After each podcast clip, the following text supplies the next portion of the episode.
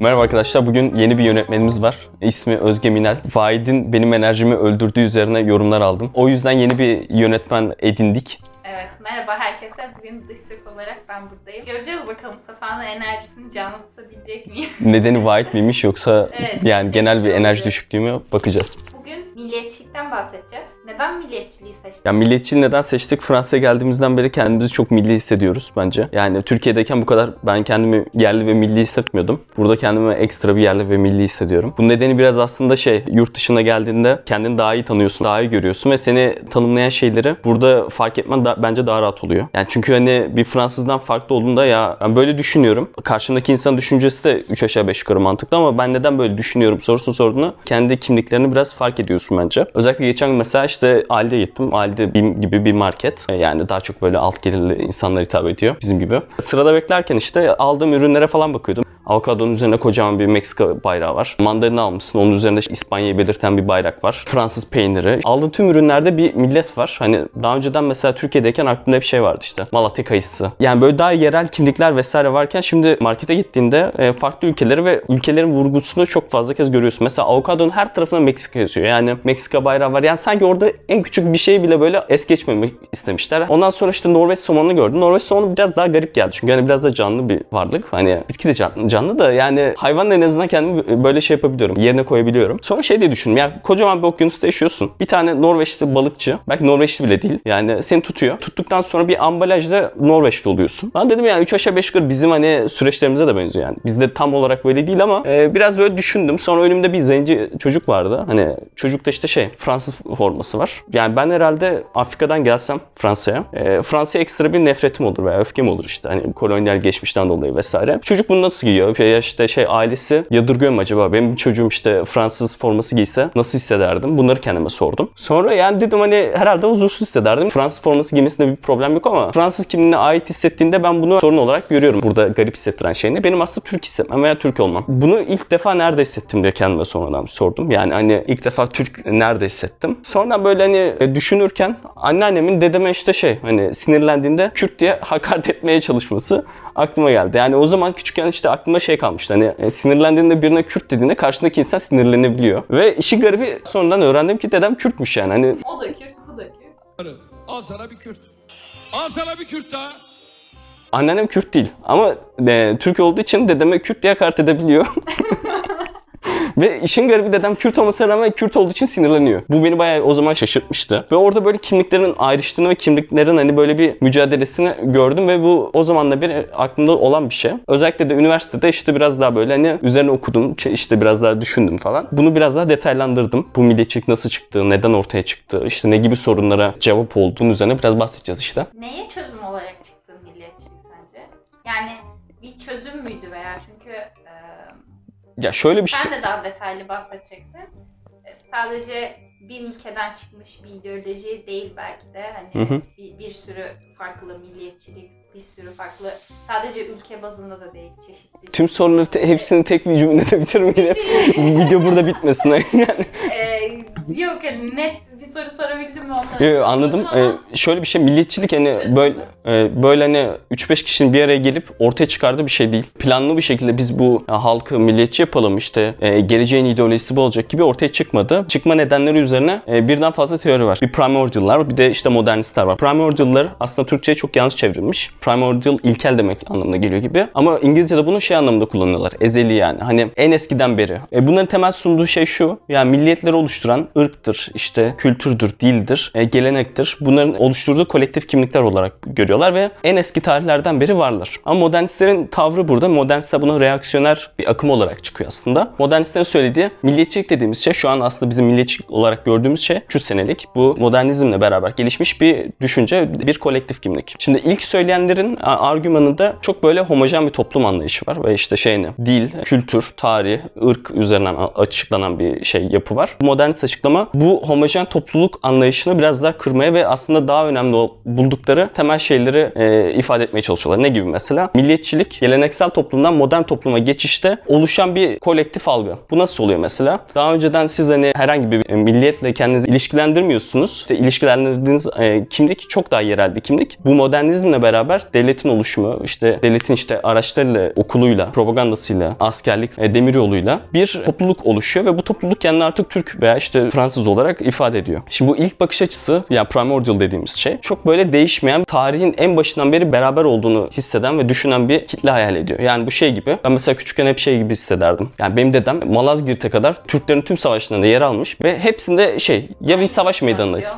Bu savaşların her birinde Türk tarafında olmuş gibi. Yani bazılarına mesela işte şey Türk'le Türk arasındaki savaşlar da oluyor. Ee, burada da mesela açıklaması zor olabilir. Ama benim dedem hep şey Türklerle beraber de ta Orta Asya'dan beri buraya gelene kadar biz hep Türklük gibi hayal ederdim. Bu çoğumuzda da böyle. Ve aslında şey bizim gördüğümüz tarih anlayışıyla çok ilişkili. Bu primordial'ların aslında tarihe yaklaşımı e, şu an 3 aşağı 5 yukarı bizim devlet e, tarih anlatısına çok daha yakın. Modernizm biraz daha critical gelen bir şey yaklaşım. Bu primordial'ların aslında anlatısındaki problemli olan şeylerden biri göçü hiç şey hesaba katmıyorlar. Göç etmeyi. Bu aslında çoğu toplumun e, en temelinde olan bir gerçeklik veya işte şey evlilikler. Homojen bir topluluk olabilmesi için evlilikten de kapalı bir toplumda olması lazım. Halbuki ırklar dediğimiz etnisiteler arasında evlilikler çok kez olmuş. Yani daha önceki toplumda mesela din çok önemlidir. Hani hangi dine bağlı olduğunu, senin aslında hangi grupla ilişki kurduğunu direkt açıklar. Ama bu son 200 senede insanların hani milliyeti dinin ve diğer e, kimliklerin ötesine geçti işte. Önce Türk sonra Müslüman, önce Fransız sonra Katolik, işte önce Alman sonra Protestan gibi böyle bir e, kimlik oluştu. Daha önceden bu Protestan ve belki işte Bavyeralıydı. Burada en önemli açıklamalardan biri bir Benedict Anderson'ın Hayali Cemaatler kült kitaplardan biridir. Bu, buradaki temel argüman da şudur. Sen hiç görmediğin, tanımadığın insanlarla kendini bir hissediyorsun, benzer hissediyorsun. Aynı haberleri, aynı dil üzerine okumaya başladıktan sonra aynı dönemin, aynı zamanın insanı olarak kendimizi hayal etmeye başladık ve işte bir görmeye başladık. Bir diğer şey yaklaşım Ernst Gellner, The Nations and e, Nationalism olması lazım kitabın adı. Söylediği argüman şu, endüstrileşmeyle beraber biz modern bir topluma geçtik ve bu modern toplumda endüstri beraberinde böyle bir e, birliktelik oluşturdu. Tarım toplumunda ihtiyaçların daha yerel bir noktada karşılanıyorken modern toplumda artık makine dediğimiz bir şey var ve makine etrafında sanayiler var, endüstriler var, koca şehirler var ve bu şehirlerde insanları bir araya getiren, beraberlik hissini oluşturan şey milliyet olarak buldu. Ve milliyetçiliği daha çok endüstrileşme üzerinden açıkladı. Bu açıklamanın mesela işte biraz daha hani tutarsız olduğu noktalar şu. Endüstrileşmemiş topluluklarda da milliyetçilikler gelişti. Mesela işte Hindistan'da veya işte Afrika'daki şey topluluklarda. Dünyada böyle sanki 180-190 tane ülke var gibi diye düşünüyoruz. 1945'te dünyada 51 tane ülke var. Milliyetçilik bir altın çağını yaşadı. Özellikle 1950'lerden e, 2000'lere geldiğimizde. Peki milliyetçilik her yerde aynı mı kavram olarak? Asya'daki ülkeler, Afrika'daki ülkeler koloni merkezlerine karşı isyan ederek milliyetçiliklerini oluşturdular. Yani devletlerini oluşturduktan sonra kimliklerini de keşfetmeye başladılar. Onların hani süreçleriyle Avrupa'daki süreçler aynı değil. Ee, şöyle bir farklılık var. Endüstrileşme mesela önemli olarak e, sunuldu Avrupa'daki açıklamada. Türkiye'deki milliyetçilik biraz daha hani e, arka planda dinin de önemli olduğu bir milliyetçilikken e, Avrupa'dakinde mesela milliyetçilik biraz daha seküler e, tandaslı bir şeye evrildi. Böyle çıkmadı ama böyle bir şey evrildi. Ya işte şey Afrika'dakiler siyahi kimliği içerleyerek bir milliyetçilik anlatısı kuruldu. Çünkü biraz daha hani e, koloni merkezlerine karşı çıktığı için oradaki ezilmişlik algısı siyahilik üzerinden kuruldu. Özellikle Fransız kolonisi altındaki işte Gana, e, onun dışında Mali, siyahi milliyetçilikten bahsederken bunlardan bahsediyorum aslında. O yüzden yani benzer süreçler değil ve benzer ürünler de değil. Ben bir şey sormak istiyorum. Birden fazla milliyetçilikten bahsedebilir miyiz? Yani ben kendimi hem Türkiye milliyetçisi hem Fransız milliyetçisi hissedebilir miyim? Ya şöyle bir şey var. Hani çatıştığı durumda hangisini tercih edeceksin? Orada kimliğini nasıl kuracaksın o çok önemli. Özellikle mesela göç eden insanlarda bu çok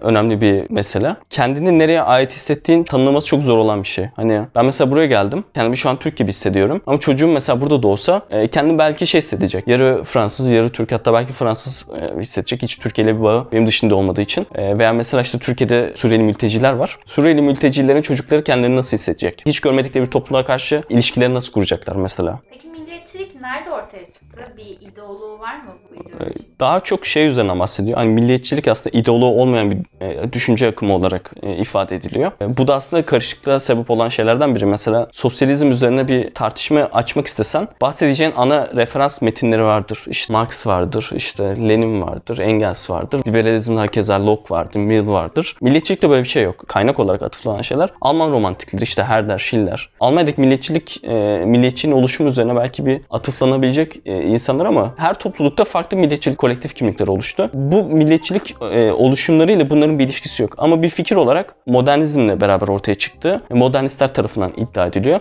Primordial'lara göre de dünyalar tarafında zaten milliyetçilik vardı. O yüzden yani e, tek bir yerden çıktı diyemeyiz.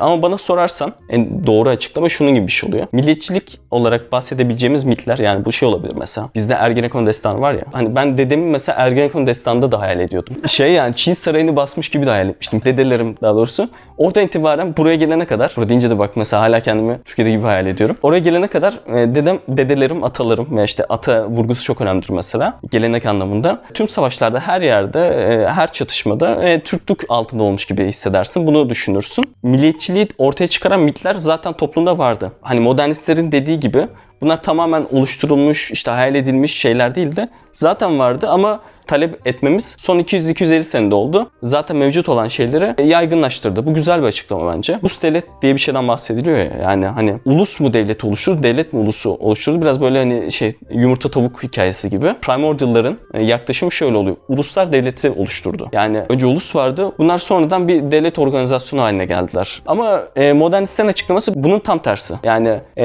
devlet aslında ulusu inşa etti. Yani bu inşa etme süreci mesela e, kamusal eğitim ne oldu? Yani işte daha önce dediğimiz gibi işte ticareti mesela ortaklaştırarak işte demir yollarını bir araya getirerek o lokal kimlikleri aslında karışmaya ve piyasa etrafında buluşmaya itti. Sanayileşmeyle bunu sağladı. Farklı birbirine benzemeyen insanları bir araya getirdi. Yani modernistlerin söylediği devlet bürokratikleşerek işte kapitalistleşerek, endüstrileştirerek ulusu oluşturdu. Ulus mu devlet oluşturdu, devlet mi ulusu oluşturdu sorusuna farklı cevaplar veriyorlar milliyetçilik nasıl ortaya çıktı dediğimizde aklımıza gelen ilk imge, ilk imaj şeydir ya hep Fransız devrimdir. Yani Fransız devriminden sonra milliyetçilik yayıldı. Bize böyle hep şey e, ilkokuldan, liseden itibaren e, tarihte hep bunu anlattılar. Milliyetçilik akımını 89'da devrim oldu ama 93'ten itibaren e, dünyaya yayıldığını anlatırlar. Mesela Fransız devrimi yapıldığında Fransızların kaçı Fransızca konuşmayı biliyordu?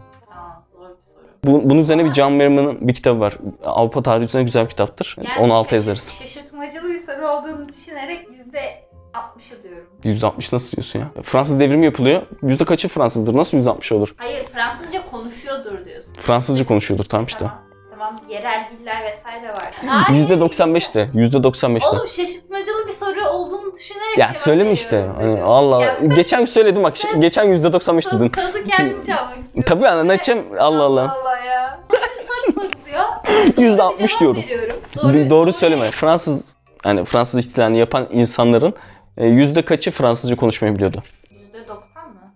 Yine yine doğru cevaba kadar emin misin? Aynen. Okey. 70. E, Fransızların %50'si Fransızca konuşmayı biliyordu. Fransa'nın içindeki insanların farklı lehçeleri konuşması gibi bir şey değil yani. Bizde olur ya mesela İç Anadolu'da farklı bir Türkçe konuşulur ve işte lehçeli konuşulur. Fransa'da böyle bir şey de yok. Mesela güneye gittiğinde işte Languedoc bölgesinde Oksidanca konuşuluyor. İşte Provençalca konuşuluyor. Ve işte Nice, e, arasındaki işte Côte d'Azur bölgesinde Piemontese dedikleri bir şey dil var. Korsikalılar mesela şu an e, farklı bir dilleri var. Hala milliyetçilik mücadelesi devam ediyor. Britan bölgesinde Breton konuşuluyor. İşte Gascon konuşuluyor. Fransız ihtilal yapılırken Fransızca konuşan nüfus %50'ye yakın bir şey. Ve bu %50'nin içinde de farklı azlar var. Patois dedikleri aksan lehçe gibi veya bozuk bir dil olarak söyleyeceğimiz bir dil var.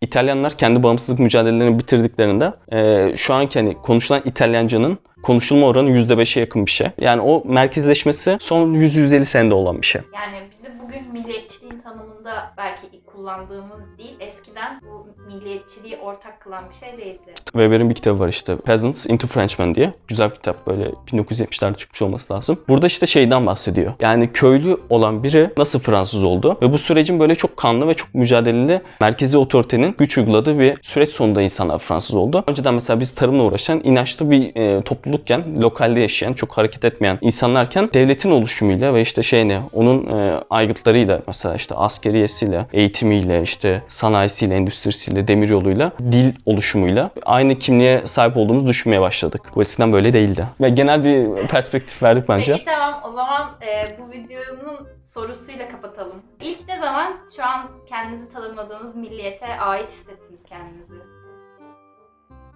Burası bonus olsun. Yani ben Kürt olduğumu nasıl fark ettim? Ee, Bizim ailede ben kimle konuşsam yani işte herkes Türk olduğunu o kadar emin ki yani şey böyle ya araştırdık biz Türkmüşüz falan. Ya bu araştırma neymiş diye bir sordum. Ee, Ramazan amca şey dedi bana. Yani öyle olduğumuzu tahmin ediyorum dedi. Yani işte şey herkes kendini Türk gibi hissediyor ama e, o soruyu kendine hiç sormamış. E, sonrasında ben şey fark ettim. Hani bizim köyde mesela bayağı bir işte şey hani Kürt ve Türk var gibi konuşuluyor. Dede dedim ya ben sen hani senin Türkçen biraz bozuk benimkinde de biraz bozukluk var da sen niye böyle konuşuyorsun? E, dedem Türkçeyi sonradan öğrenmiş.